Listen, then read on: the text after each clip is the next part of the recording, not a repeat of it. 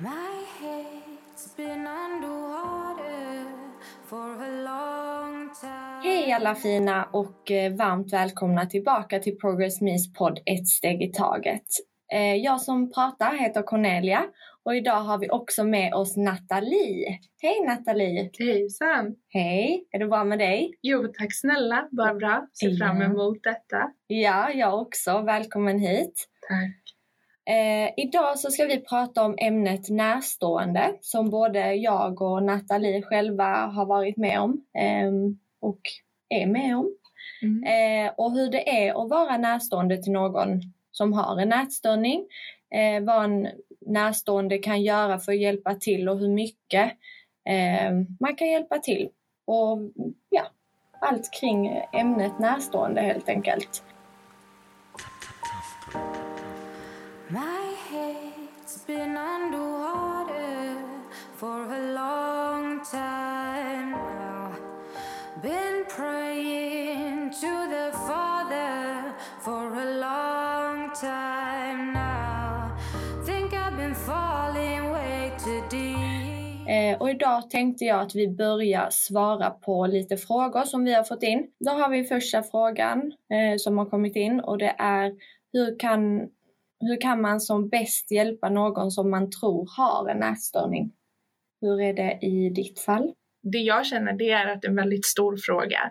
Eh, och det är väl den frågan, det var nog den första frågan som jag fick till mig när jag eh, fick eh, veta att min syster har en ätstörning. Eh, och eh, jag, jag känner att det är en sån pass stor fråga för att det finns, det finns mycket man kan göra men Mm. samtidigt så finns det mycket man inte kan göra. Ehm, och det var väldigt svårt för mig att acceptera att Mm. eh, det finns saker och ting som hon måste gå igenom som inte jag kommer kunna göra åt henne.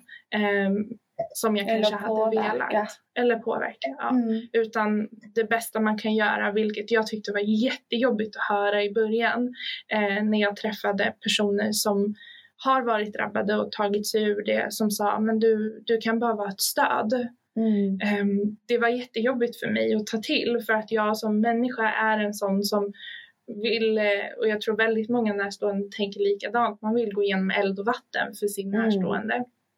Och man tänker så här, okej ja men jag är stöd men jag vill göra mer.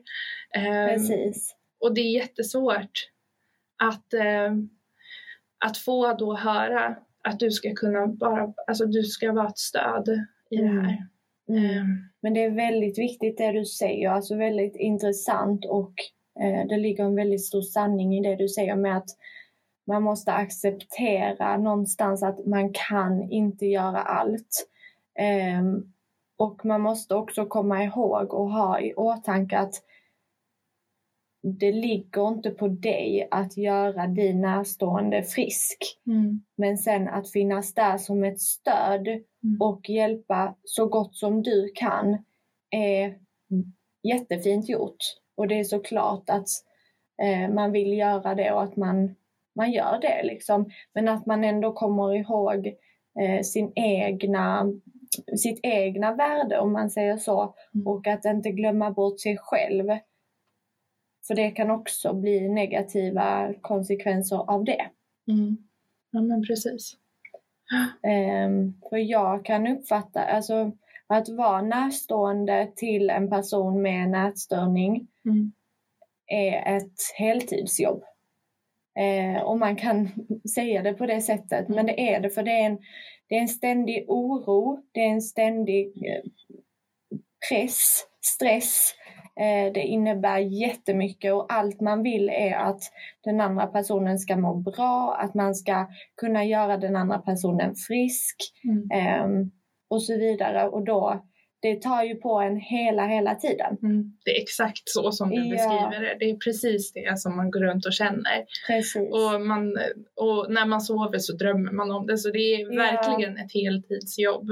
Mm, Men det är ju som du också säger det här med att man måste tänka på sig själv i det hela. Eh, för att de dagarna när jag har känt att jag har varit trött och, och kanske inte varit det bästa stödet för henne. mm, Eh, och likadant då med mina föräldrar och alla runt omkring. mm. Så måste man på något sätt hitta styrkan för ju mer man tar hand om sig själv i det här, i den här mm. processen, desto bättre stöd kan man också vara. Så det var en annan grej att acceptera och förstå. Mm. Ehm, och göra, jag brukade, jag sa till min syster, det är du som bär på sjukdomen men vi alla har den tillsammans. Ja, och vad fint sagt. Eh, och det Eller, är ju ja. verkligen så. Det är mm. ju verkligen så. Vi, det är hon som tyvärr bär på den men, eh, men vi, vi hjälps åt tillsammans och då har vi den här sjukdomen Precis. tillsammans. Ja. Och så blir det ju, alltså är man en nära familj mm. eller en eh, nära kanske kompis till personen eller ja, en närstående helt enkelt mm. eh, som är nära till personen så blir man ju på något sätt drabbad själv. Mm. Eh, man är inte drabbad av sjukdomen som du säger men man har den ändå runt, mm. runt omkring sig varje dag. Man tänker på den extremt mycket. Mm. Eh, och det gör jag fortfarande. Eh, alltså jag, jag, min syster och jag har båda varit sjuka men jag var ju, jag levde lite under, vad ska man säga, inte förnekelse men jag, hon var sjuk först och det var mm. som att jag inte skulle bli sjuk och ingen trodde det om mig. Mm. Och jag levde liksom i smyg på att jag var sjuk vid sidan om, om man kan säga så, i skuggan av Petronella. Mm. Och det blev ju liksom många gånger att jag, alltså nej men som närstående till Petronella så var det verkligen att jag var ju också drabbad. Mm. Men jag var ändå drabbad som närstående också. Var det samtidigt då? Ja, ja. Eh, det var det ju med att Petronella blev sjuk när hon var, hur gammal kan hon ha varit? 14 mm. ungefär. Eh, och då var jag 10. Okay. För hon är fyra år äldre. Eh, och sen kanske när jag blev 12 ungefär så förstod jag att Petronella var sjuk. Och för mig var det alltså det var jättekonstigt för att ingen hade liksom, det blev nästan som en inte en tävling, men att jag kände att det enda jag hade i livet, eller det enda jag hade varit, var att vara smalast och minst. Och plötsligt så var hon det. Mm. Så för mig blev det en jättekonstig mix.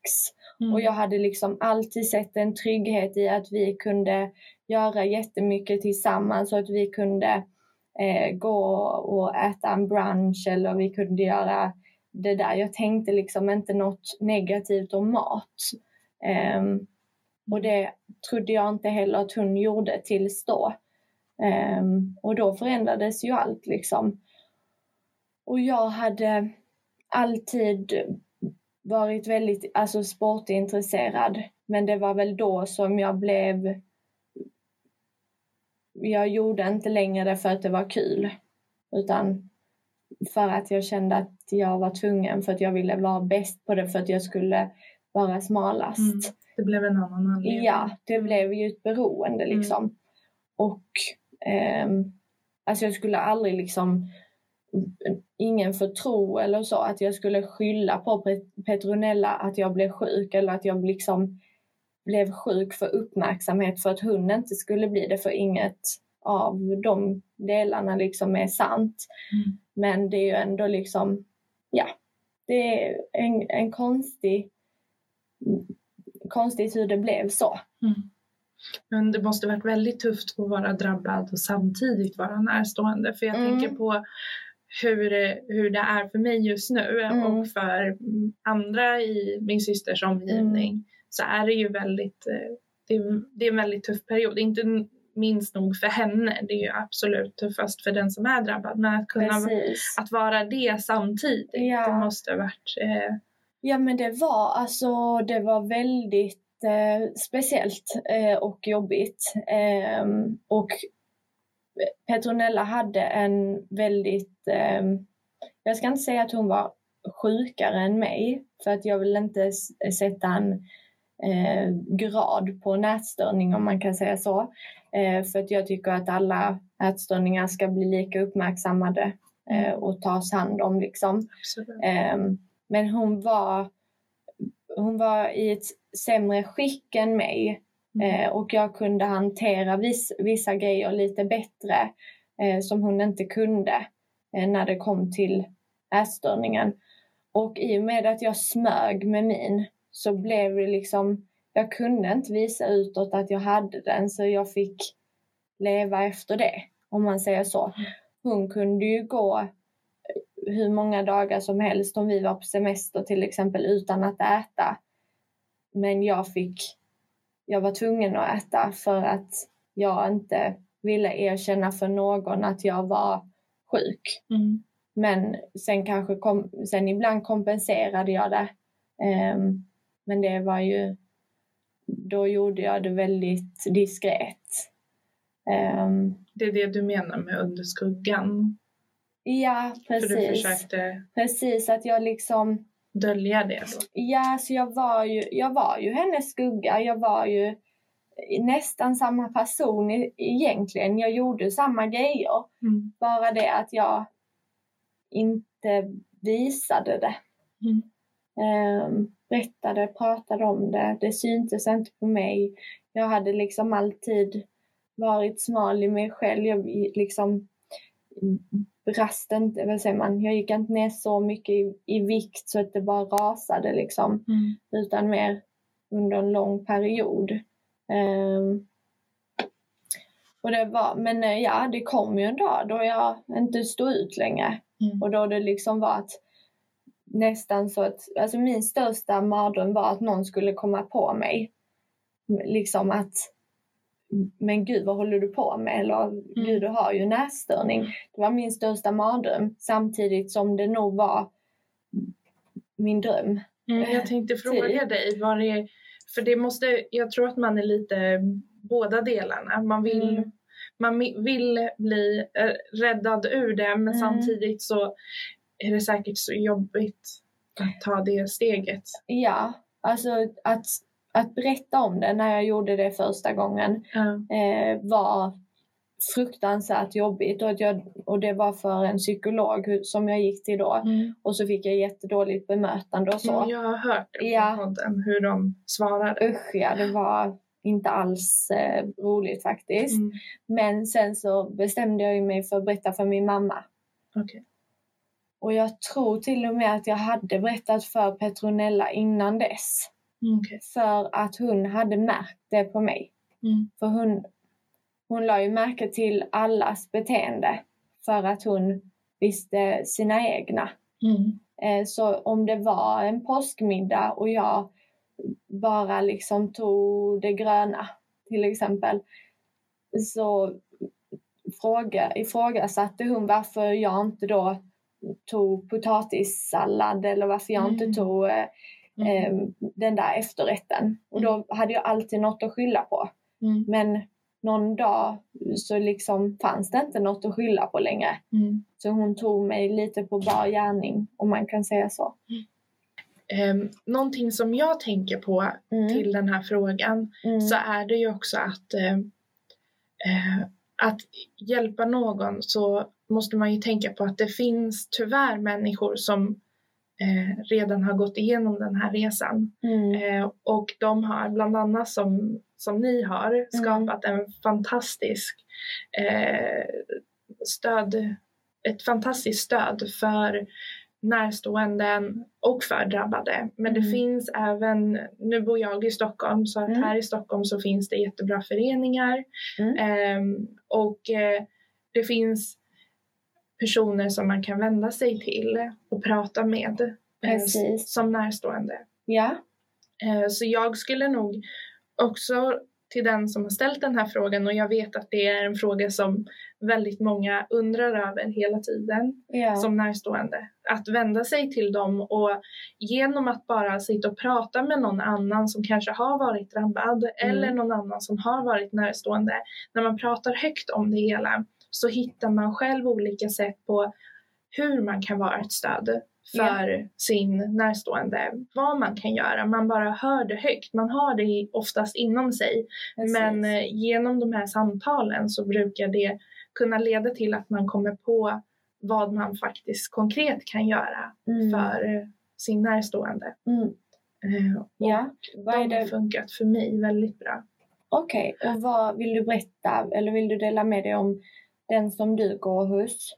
Eller Ja. de föreningarna Ja. som du har liksom? Jag har varit hos eh, flera då Mm. eh, och jag har främst då pratat med Frisk och Fri Ja, som finns även i andra orter i Sverige. precis. Det Eh, finns ju hela Sverige. Ja. Ehm, vet inte exakt om det är alla orter, men i alla fall i Malmö, Lund Ja. också Precis. till exempel. Eh, och det, de har en eh, hemsida där de lägger ut olika öppna träffar som man kan komma till. Mm. Eh, men förutom dem då så finns det möjlighet att kunna chatta med dem och kunna ringa dem. Eh, så det har varit ett jättebra hjälpmedel för mig Mm. att eh, komma dit och bara lyssna och se vad man kan få för typ av hjälp. Sen är, eh, har jag varit en sån som har försökt söka mig till mycket information. Mm. Eh, så det var bland annat så jag hittade Progress Me Mm. eh, och eh, fick enormt mycket stöd genom att bara läsa inläggen och försöka förstå mig på vad en person som bär en ätstörning, vad man tänker, vad, Ja. man, vad man känner, eh, Mm. hur en vardag egentligen ser ut. Sen tog det väldigt lång tid för mig att faktiskt förstå Mm. eh, vad sjukdomen gör mot en. Precis. Eh, men det var värdefullt för mig att bara lyssna och läsa mig Mm. till det. Ehm, sen idag är min syster inskriven då hos SCR. Mm. Och eh, där finns det olika grupper för närståenden och jag tillsammans med mina föräldrar valde att skriva upp oss på allt möjligt som Ja. fanns. Sen varvar vi lite och går på de här olika träffarna. Men Mm. eh, det har också gett mycket. Eh, och där finns det även föreläsningar man kan gå på för att lära sig vad som händer i kroppen, hur kroppen fungerar om den inte får tillräckligt med vissa näringsämnen. Vad, Okej. vad är det som händer och varför? Och det förklarar många gånger beteenden också. Ja, precis. Så Verkligen. det var för att öka förståelsen Mm. helt enkelt. Men jättebra tips.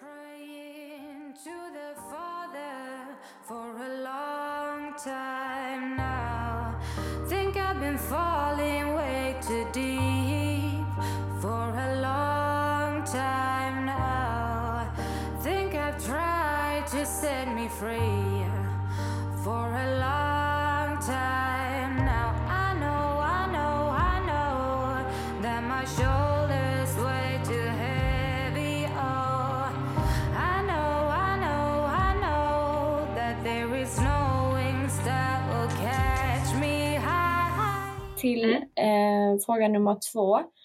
Hur ska man göra för att inte föra över ätstörda tankar till närstående? Det är alltså ur en eh, drabbad situation. Mm. Eh, hur man ja, inte ska liksom trigga någon annan som Mm. inte är sjuk för att kanske bli sjuk. Mm. Ehm, och den kan ju jag svara lite Mm, på. jag tänkte det. Eh, jag har själv varit sjuk. Det viktigaste för mig var att inte trigga någon annan. Mm. Men det var, det låg något i det också. och Det handlade om att jag inte ville att någon annan skulle bli sjuk. Mm. Alltså för att det jag gick igenom var så pass jobbigt. Alltså jag, vi, alltså jag, jag hade verkligen en drivkraft som ville ta mig ur från sjukdomen. Ehm, vilket jag ju gjorde. Ehm, men det var, det var så jobbigt att gå igenom en ätstörning och jag ville inte att någon skulle behöva må på samma sätt som jag och min syster har gjort, Mm. eh, eller gjorde. Så jag försökte verkligen att Nej men om det var någon som sa någonting, vi säger om en, om en kaka, att de tyckte att det de inte skulle äta en kaka så försökte jag alltid få dem att äta kakan för att Mm. man var fin som man var. Mm. Medan jag ju inte alls tyckte så om mig själv. Så jag var ju väldigt dubbelmoral. Men samtidigt så var jag ju sjuk. Mm. Så det var, jag ville typ det bästa utav min sjukdom om man kan säga så. Mm. Att jag ville inte förstöra för någon annan eller ta in någon annan i det som jag gick igenom. Mm. Mm.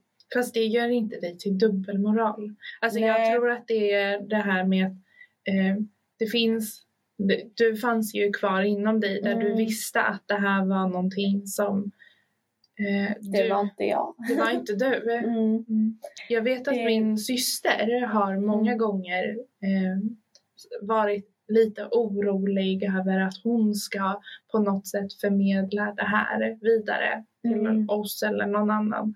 Eh, eller de här tankarna hade hon väldigt mycket i början utav sin process. Mm. Ehm, och vi satt och pratade om det. För hon Mm. märkte att jag valde själv, valde jag att sluta träna. Mm. Eh, för att jag kände att jag vill inte vara i en miljö eh, där min syster eh, hade mycket av hennes ätstörning utvecklades i en ganska snabb takt i den här miljön Mm. eh, på gymmet då. Eh, Mm. Och eh, det på något sätt gjorde så att jag har ju haft vissa faser som närstående Ja. Eh, och då valde jag att lämna just den miljön. Sen kanske jag, jag kommer säkert börja igen när hon mår bra. Ja. Men jag bara kände att jag behöver göra det just nu. Mm.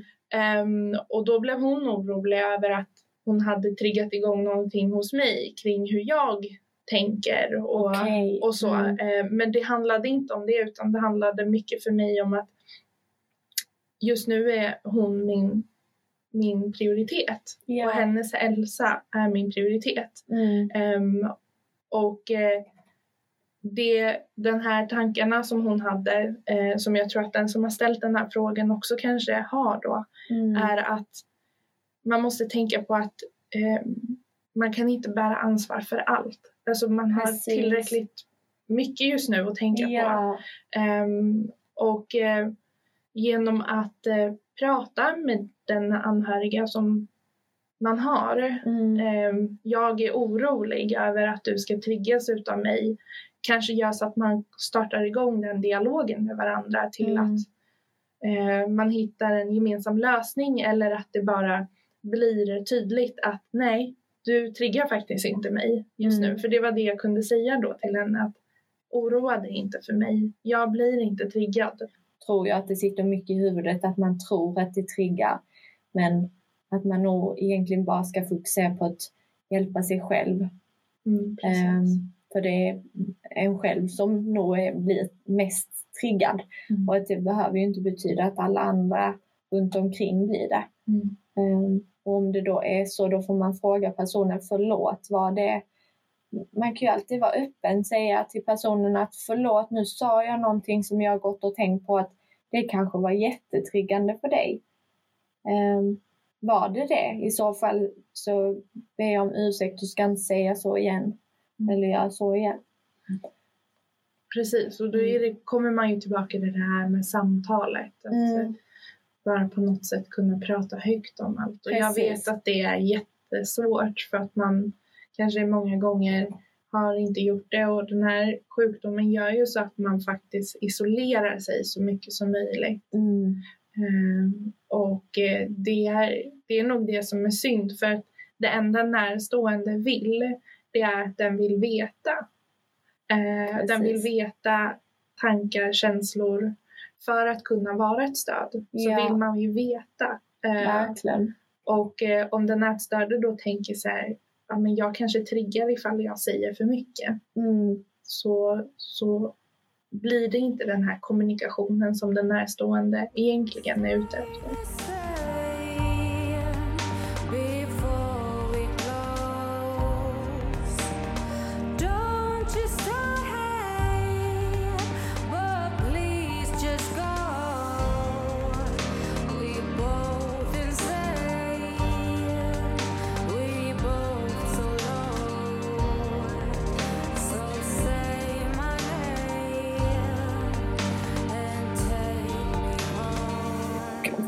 Sista fråga, fråga nummer tre, eh, är eh, vad ska man som närstående absolut inte säga och göra? Mm. Det finns väldigt mycket. Nej men eh, såklart så ska man inte sluta vara sig själv. Eh, om man får reda på att en nära person till en har en ätstörning. Men det finns absolut eh, grejer som man inte ska säga som kan bli väldigt, väldigt jobbigt och fel för den drabbade. Eh, och jag vet om att som närstående är en väldigt, väldigt tuff eh, period eller situation. Eh, och det tror jag det är för de flesta närstående, både kompisar, föräldrar, syskon. Mm. För den ständiga, som vi pratade om innan, stressen, pressen, rädslan, eh, nervositeten kring Mm. att det man kanske säger är fel, eh, ska uppfattas fel av den drabbade. Eller att vad man gör ska trigga den drabbade. Det är jättejobbigt. Det finns så mycket faktorer runt kring den här eh, sjukdomen som blir negativt. Mm. Tyvärr. Eh, och jag menar absolut inte att det är jobbigare för en närstående att vara närstående till en drabbad än att, hur det är för en drabbad. Mm. Eh, men att vara närstående är jättejobbigt och jag tror att vi måste prata mycket mer om det också för att det är en enorm eh, svår och tuff resa för en närstående också. Det är därför vi har detta avsnittet Mm. eh, faktiskt. Eh, jag tror att man är jätterädd. Man är rädd för att man ska råka säga potatis och att det ska trigga igång något. Mm. Man är rädd att man ska råka säga en siffra Mm. och att det är, är en helt fel siffra än Mm. vad person, den drabbade ville höra. Eller man är jätterädd för att man ska gå till gymmet två dagar i rad och att den andra personen då ska bli triggad av det och själv inte själv gå dit fem gånger på två dagar. Mm. Eh, Det är den här ständiga rädslan, för man vill ju finnas där, man vill vara det bästa stödet. Men samtidigt så kan man inte sluta vara sig själv och sluta, man kan ju inte stanna sitt liv Mm. för den andra. Men självklart så ska man finnas där och kanske begränsa sig lite från vissa eh, ordval. Man kan säga det på ett bättre sätt, man kan eh, försöka förstå eller få den drabbade att förstå varför man mm, använder sig av ordet potatis ibland Mm. till exempel. Mm. För att man kanske själv gillar potatis. Mm. Det kan ju vara en så enkel grej. Mm. Ehm, ja. Ja, och jag tror att man säkert kommer tyvärr råka säga saker som, eh, som ja, inte är de rätta orden eller de rätta Ja. meningarna eller rätta kommentarerna. Eh, och jag är med i några grupper där eh, personer som har en ätstörning, ett forum ungefär, där de sitter och pratar och då märker jag många gånger hur hur många gånger man blir utsatt för de här kommentarerna. Mm. Eh, och sen så tror jag ju att om man ha, har ett friskt beteende så rinner det lite över en för att man fångar inte upp dem på samma sätt. Ja. Utan eh, när man är sjuk så, så suger man åt sig det som ett, eh, direkt som en svamp Ja. och bara, men varför säger hon så eller varför tänker hon så? Ehm, och då eh, som närstående så är det sista man vill är att lägga en sån här kommentar som ska förvärra eller göra sin, sin anhörige ledsen eller Mm. arg eller vad som helst. Precis. Men det finns ett syfte bakom alla, Ja, allt man Så är det gör. Mm. precis. Eh, och jag tänker också, eh, vi har ju haft en, eh, en kampanj kan man säga som gick ut på att man skulle säga vad, eh, vad för ord som har eh, varit fel liksom. Mm. Eh, så vi fick in jättemånga eh, kommentarer. Vet du vilken kampanj jag syftar på? Nej. Nej, vi hade ju eh, Tänk till, heter den. Det är bland annat det som vi har på våra tygpåsar. Mm. Jo, men Eh, mm, kom- att man ska tänka till på vad man säger och då skrev eh, folk, eller användare från oss, eh, följare och så vidare, eh, vad de hade fått för kommentarer liksom. ja. Eh, och det är sjukt för att man, när, när jag läste alla de här kommentarerna så att jag tänkte, men gud hur kan någon, hur kan någon säga den kommentaren? Mm. Men när jag nu sitter här och tänker, men tänk så har jag sagt det själv någon gång. Mm. Kanske inte de allra värsta för att jag vet om Mm. vad jag absolut inte hade sagt. Mm. Men det, det är så lätt att det blir ett ord fel Mm. eller en, en siffra för låg Mm. Eller, eller liknande.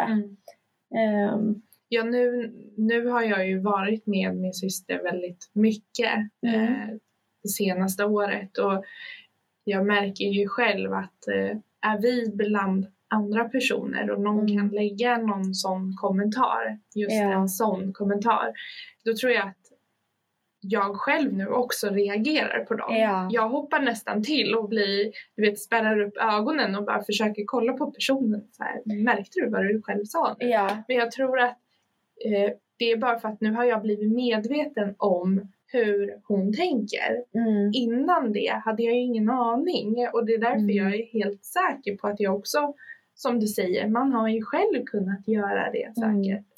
Eh, men sen nu pratar inte jag om de här hemska kommentarerna Nej. som faktiskt är, det finns ju människor som kan vara elaka. precis. Som kan slänga ut sig Ja. verkligen ord som, eller meningar eller så, Ja. som man själv liksom vet om det här säger man inte. Nej, precis. Inte till en person som är frisk heller. Ja, och då tänker jag att då måste det vara att den personen kanske inte mår bra eller Precis. ja, har kanske någonting som den bär på som Ja. gör att den vill göra något sånt. Så Precis. antingen är man klumpig eller så är Ja. man bara elak. Men Precis. den som är sjuk måste tänka på sig själv och sin, sin hälsa. Ja, och det är ju väldigt lätt också att vara efterklok. Eh, tänka på sånt som man kunde gjort bättre, sagt Mm.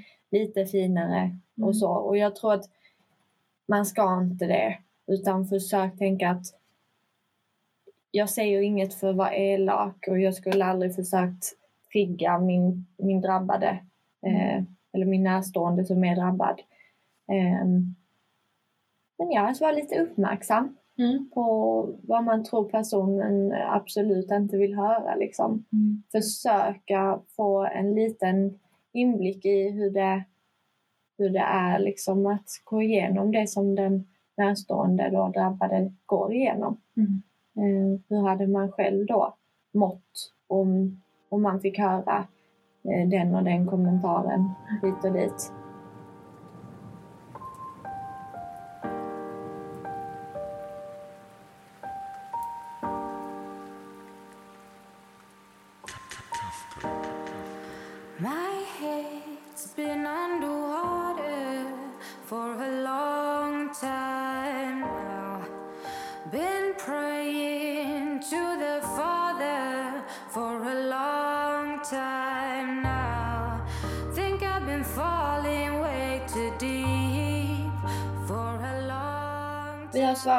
Tre frågor och eh, jag tänkte fråga dig om du vill dela med dig lite ännu djupare om Mm.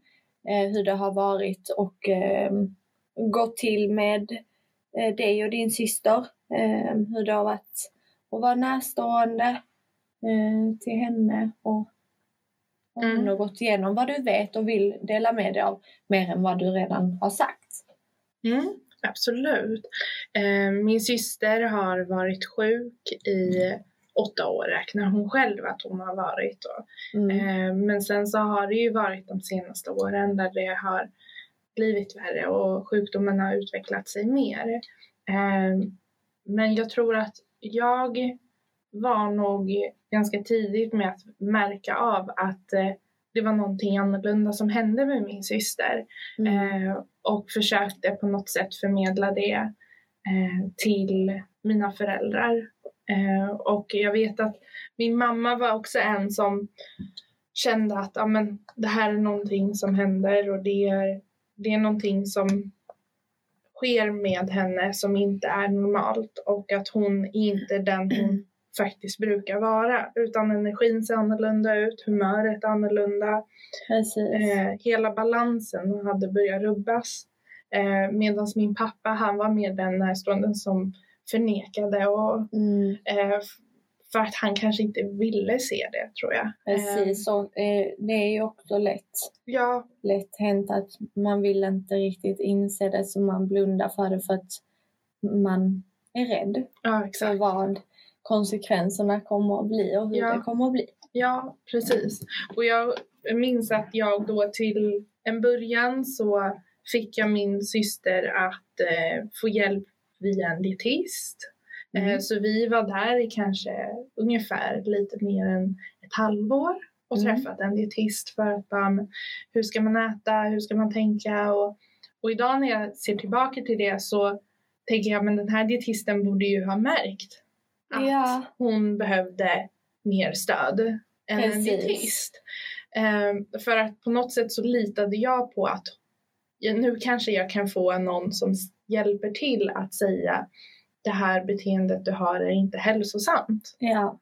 Ehm, men eh, det kom inte fram. Eh, och sen så var det ett tillfälle som hon själv hade skickat in en egen anmälan till eh, SCA Mm. i Stockholm för att bli inskriven. Eh, och när vi var där så var inte bemötandet heller det bästa. Mm. Ehm, och jag tror att det är det här som också är så tråkigt för när man är, har en ätstörning som du beskrev i början så finns det en del utav en som känner så här, "Ah, men jag döljer det här så gott jag kan men någonstans inom en så skriker man efter hjälp också. Man vill ta Precis. sig ur det. Gud. Men till slut då så var det april förra året Mm. som jag bara kände att nej nu, nu går det inte mer. Jag bara ser hur min syster försvinner och då menar inte jag mm, på något sätt som syns utan med Mm. hur hon är. Hon var inte lika närvarande, hon var inte lika lycklig. Ja. Ehm, Mer psykiskt än fysiskt. ja, och det är det viktigaste för mig. Alltså, Absolut. Eh, och jag kommer ihåg att jag bara kände så här, nej, nu räcker det. Och så hade vi ett ganska stort tjafs. Eh, för att det var mitt, eh, jag visste inte bättre och det var Nej. så jag reagerade för att jag, jag bara ville få fram för henne att Mm. jag är jätteorolig och Ja. det räcker nu, nu måste vi göra något. Mm. Eh, och det kanske inte heller var det bästa sättet men man vet ju inte bättre. Eh, man Nej. gör ju bara det man kan. Eh, Man vill ju bara göra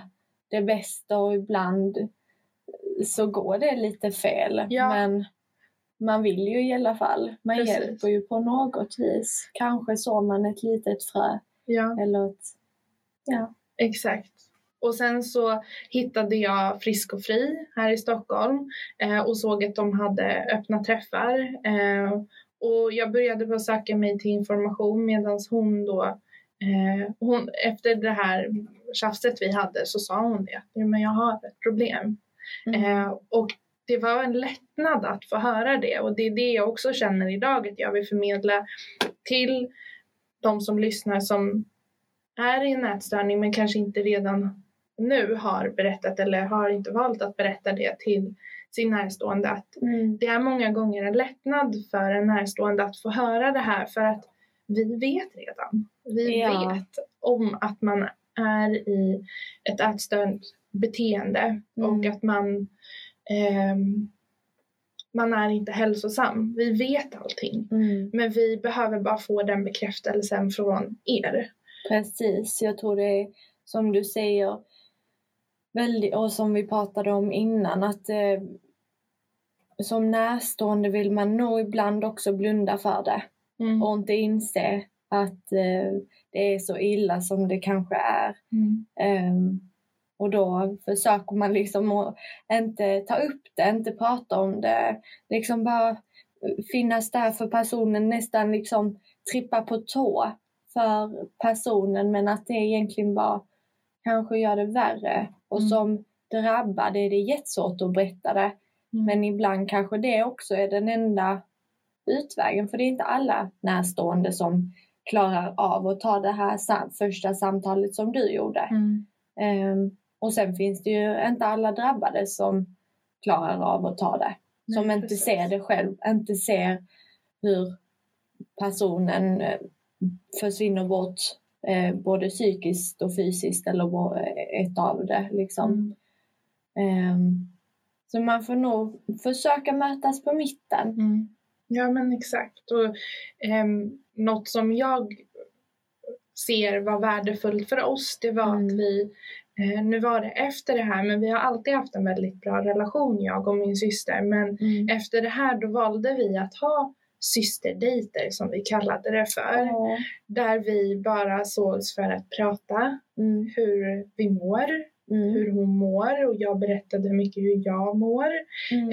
Eh, och då blev det på något sätt att allt det vi säkert på två olika håll har gått runt och tänkt på Mm. valde vi att prata högt om där vi var själva, eh, ingen annan var med oss. Eh, och till en början så ville hon inte berätta till mamma och pappa och jag sa det är okej, du behöver inte göra det. Mm. Eh, men vi behöver göra någonting så vi började då delta på Frisk och Fris öppna träffar. Mm. och med vi då menar jag med att vi åkte dit tillsammans. Mm. Eh, hon gick in, jag satt i bilen och väntade tills hon blev klar och sen så Ja. efteråt hade vi vår systerdejt. Vi åkte kanske till någon kulle med en fin utsikt och bara satt i bilen och pratade med varandra om fint. hur det var och det var jätte, jätte värdefullt. Alltså det Ja. är dagar och det är vissa stunder som jag inte kommer glömma. Jag blir lite tårögd. ja, jag vet. Ja. Eh, och eh, sen så valde hon själv då att söka då eh, stöd, mer stöd till Mm. SCA på nytt då. För hon hade ju varit där tidigare. Mm. Ehm, och det är ju en väntetid idag som är extremt lång. Ja. Ehm, och det är jättetråkigt att det ser ut så idag. ja. Jag hoppas att det förändras. ja, och jag hoppas att vi ehm, kan komma ut som ett komplement, kanske medans man väntar, Mm. eh, för att ha något sorts stöd Mm. eh, medans man väntar på en tid eller medans man eh, går och undrar vad som händer med en Mm. eller med ens närstående. Och det är ni. Eh, Mm. För ni var ett väldigt viktigt stöd för oss där i början och det är ni än idag. Vad fint att höra. Ja, och någonting som jag tog till mig från bland annat er Instagram, det var Mm. att eh, ni hade någonting som ni kallade för lyckoburken. Ja. Eh, och jag kommer ihåg att jag satt hemma och tänkte så här, nej men som närstående så vill man ju göra något konkret som Ja. jag sa tidigare. Man vill göra något där man faktiskt gör något och inte Ja. bara säger eller är ett stöd. Så jag gick och ordnade en burk, en glasburk eh, och så fyllde jag den med 200 stycken små Oj. utmaningar. men wow. Och det kom som en, en tanke från eran sida. Ja, Eh, och de vilken här, syster du är. ja, och, och de här utmaningarna, det, var, det kunde vara allt ifrån, ja, men, ge mamma en kram, Mm. eh, du, ska få, du ska få massage från en valfri person, Ja. eh, du ska sova över hos en valfri person. Det var, det var olika små aktiviteter. Det kunde vara Mm. till och med men ta en, ta en liten kort promenad och bara njuta av den friska luften eller så. Så det var små korta utmaningar som jag kallade, henne, Ja. kallade det för, eller utmaningar och uppdrag. Mm. Eh, och så fick hon den här burken utav mig efter ett tag för jag tänkte att jag vill ge den rätt tillfälle. Detta är ju ett jättebra tips att eh, få närstående och kanske komma lite närmare den drabbade. Att dela med sig av något sånt här, ge något. Det kan ju också vara en burk med kärlek. Det Ja. kan vara små kommentarer som man tycker hos den andra personen eller Precis. det kan vara ehm, ja, men aktiviteter som man vill att man ska göra tillsammans eller Ja, ja, som blir utmaningar. Ja, och det, det var ju bara, min tanke var att jag vill att hon ska göra saker som ger henne kärlek till sig själv, till Mm. livet och att se kärleken som hon har från sin omgivning. Mm. Att bara bli medveten om den för att jag tror att det är någonting som många som bär på sjukdomen, man vet, man, man har kanske inte alltid självförtroendet då med sig eh, och Precis. det förstår jag. Och jag ville på något sätt kunna ge henne ett verktyg som hon kunde göra för att stärka det. Eh, men det fanns villkor, hon fick bara öppna en lapp per dag Ja, eh, som mest och sen så måste hon klara av det uppdraget innan hon får dra en ny lapp. Ah, Ja. oh, Och det var viktigt. Ja. För ibland kunde vissa saker vara lite halvsvåra och det behövde lite längre tid. Men, precis. men det här gjorde så att vi då började prata mycket mer om det. För att då kunde det vara ja, men den här massagen till exempel. Då valde hon mig att jag skulle göra den. Eh, då pratade vi mycket om det sen efteråt. Men hur kändes det? Och hur det kändes att bli berörd och, och eh, hur tankarna går, hur känslorna är då. Eh, det gjorde och det bidrog till att jag började förstå mer kring hur hon tänker och varför hon tänker som hon gör. ja, Eh, och sen på sam, samtidigt så kunde jag som närstående ha möjligheten att förklara för henne att det där är en tanke, den är inte sann mm, ehm, och så här är det egentligen. Så att på något sätt kunde jag svara på det. mm, Ehm, och jag hoppas att det har kunnat hjälpa och idag så vet jag att min syster ser lite fram emot de här utmaningarna. Det har, och hon har tagit, hon har verkligen tagit de här eh, med stort allvar. Hon har bland annat då Åh. tagit den här låten med Miss Li, Ja. Läm nu där sen. mm. Eh, och hon gjorde om den i texten så att den blev väldigt personlig Okej. till där hon är idag. Ja. Eh, Så varje gång den kommer på radion så sjunger vi högt tillsammans Men, till den texten. Och, ja. eh, och sen så har hon också ordnat en tjejkväll med sina vänner. Det är ju väldigt sällan man verkligen bara men, tar tag i och träffar vännerna. Precis. För det är väldigt jobbigt. Eh, och eh, då pratade vi mycket om det och sen så gjorde hon det ändå och pratade Mm. om hur det var efteråt. Och allt det här har bara bidragit till att vi på ett sätt också har kommit varandra ännu närmare. Mm. Ehm, så att eh, det är jag jättetacksam för till Ja. Progress Me för det var den idén som kom från er Ja. och jag är jätteglad för det. Och sen Vad fint att det- du spann vidare på Ja. det också. Ja, Det tycker jag är fantastiskt.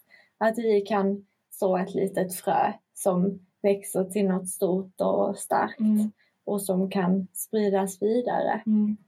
Ja, och det är, det är nog någonting som jag tror att eh, eh, väldigt många behöver idag. Mm. Eh, vi behöver nog eh, både närstående och de som är drabbade känna att vi är inte ensamma i det här, tyvärr inte. Precis. Men att vi kan stärka varandra. Ja. Ehm, eh, under tiden hon väntade på att bli inskriven på den här kliniken ehm, så ordnade vi en, en psykolog via vårdcentralen. Okej. Eh, och det var väldigt bra. Ehm, Mm. För att då fick hon möjligheten att se över sina, sin ångest. Mm. Och mm, det är ju inte någonting som alltid rekommenderas att man gör men Mm. men det var ändå viktigt på något sätt. Hon fick det bekräftat att det är, eh, det är möjligt att få hjälp. Mm. Ehm, och eh, hon fick en utmaning där hon skulle skriva om hur hon känner i olika tillfällen och skriva den ångesten hon upplever. Ja. Ehm, och så delade hon med sig det utav det dokumentet till mig och skickade det till mig. Och jag kommer ihåg att när jag läste det första gången där så fick jag nästan en chock över hur det faktiskt ser ut. För att man vet inte som närstående. Som drabbad har man kanske gått runt med det här en längre period Ja. innan man väljer att prata om det. Så att man måste också på något sätt förstå att vi som närstående vill veta, vi vill lära oss, vi vill Mm. förstå. Men det tar också tid för oss att och få smälta det. Ja, absolut. Ehm, och sen har jag efter det ehm, bara kunnat göra det jag kan. Ehm, och allt det här har gjort så att vi har kommit varandra ännu närmare än vad vi var tidigare och det är något jag är tacksam för. Mm. Även fast det är ett tråkigt sätt. Ja. Men på något sätt så finns det ju någonting gott som kommer komma ur det här. Ehm, och jag Det längtar jag också. tills vidare. Ja. Ja. Eh, jag tänkte också på ehm, du är väldigt stark som, som går igenom det här tycker jag. Eh, som det är jätte, såklart jättejobbigt för din syster som är drabbad eh, och jag hejar på henne också eh, och hoppas att, att hon tar sig ur det och blir frisk eh, och mår bra i sig själv framöver. Eh, men att du gör så här pass mycket för din syster som närstående och finns där som ett väldigt fint stöd. Eh, tror jag betyder väldigt mycket för henne. Tack Eh, så mycket. hoppas jag. Tack så mycket. Det eh, hoppas jag också. ja.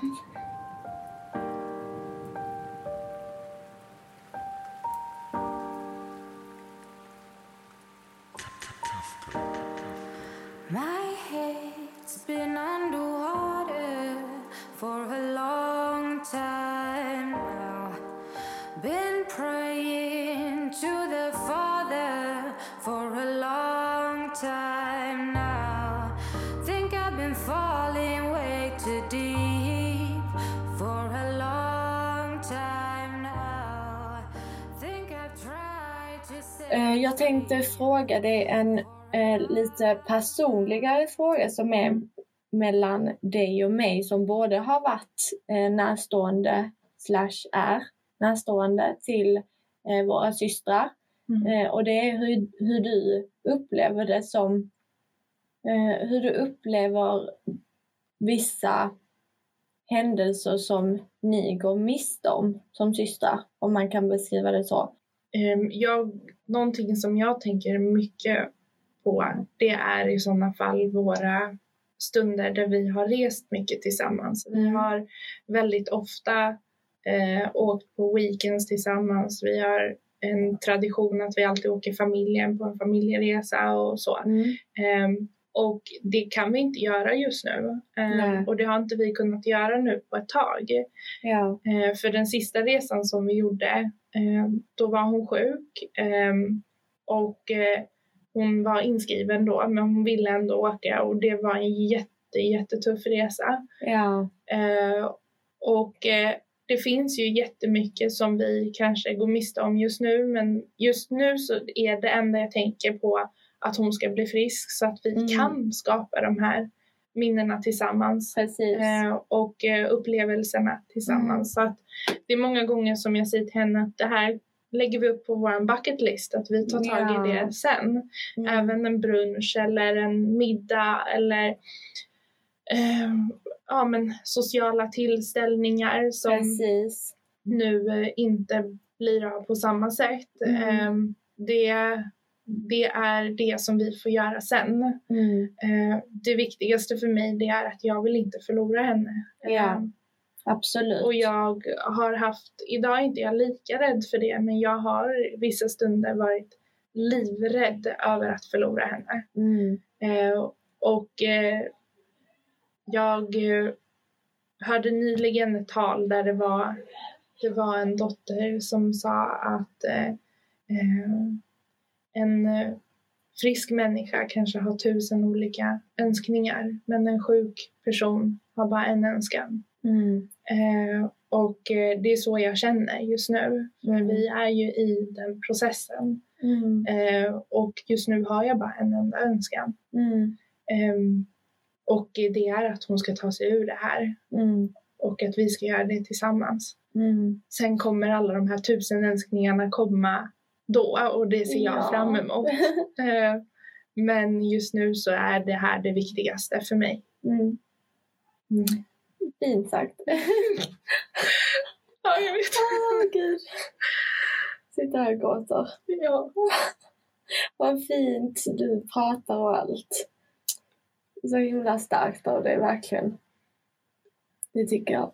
Jag tycker faktiskt att personer som är drabbade har en sån enorm styrka. Mm. Eh, För att när man tar sig ur den här processen och när man gör det man behöver göra för att ta sig ur det här Mm. så möter man ju sin absoluta största rädsla. Gud, och det är det fascinerar mig. Mm. För att andra människor kanske inte förstår vad en person med ett ätstört beteende faktiskt gör. Men man, man möter sin största rädsla hela tiden. Mm. Och det är helt otroligt vilken styrka man då har. Mm. Så man måste komma ihåg det, man är otroligt stark när man Mm. tar sig ur det här. Ehm, Precis. och alla jag har pratat med som har varit drabbade, de säger det är värt det. Ja, verkligen. Det Ja. kan jag säga. Ja, jättebra.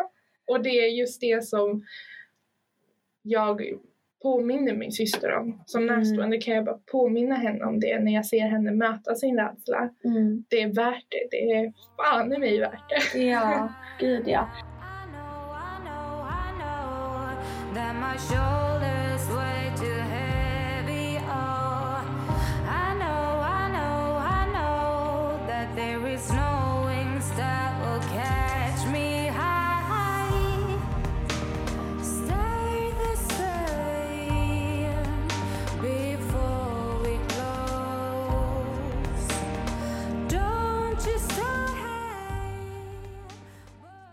Din syster idag är inlagd Mm. på S.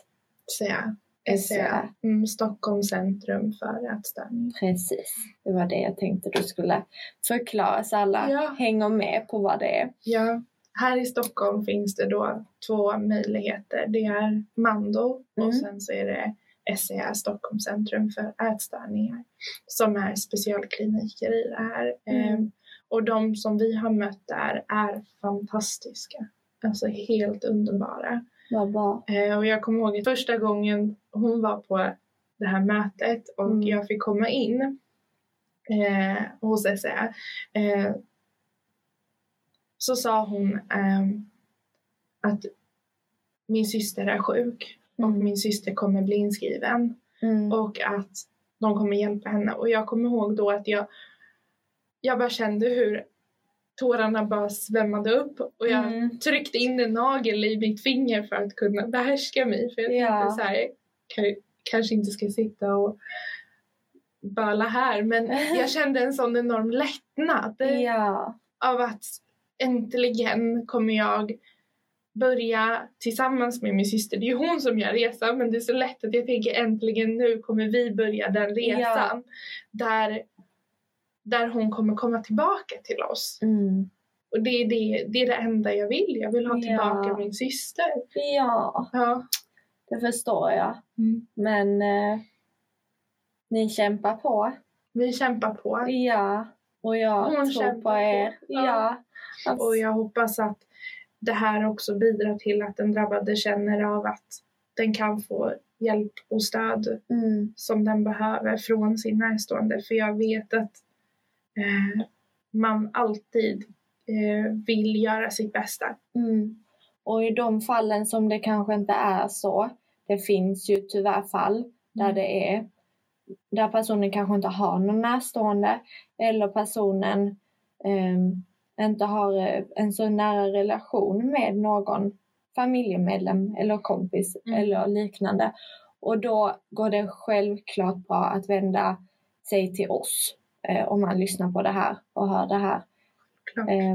Och om man skulle vilja skriva till dig så går det säkert också. Ja, Ehm, definitivt. vi kan prata i en liten grupp Ja. så vi kan hjälpa varandra. ja. Både till eh, om ni vill ha eh, prata djupare om närstående, om du är närstående eller om du vill prata djupare och du är drabbad.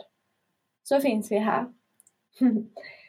Ehm, men då avrundar vi här idag. Ja, jag vill bara säga tack till Progress Me för att ni Åh. finns. Och tack för att du har förtroende för oss och tror på oss eh, och har varit med idag eh, och vänt dig hit och delat med dig av allt det här och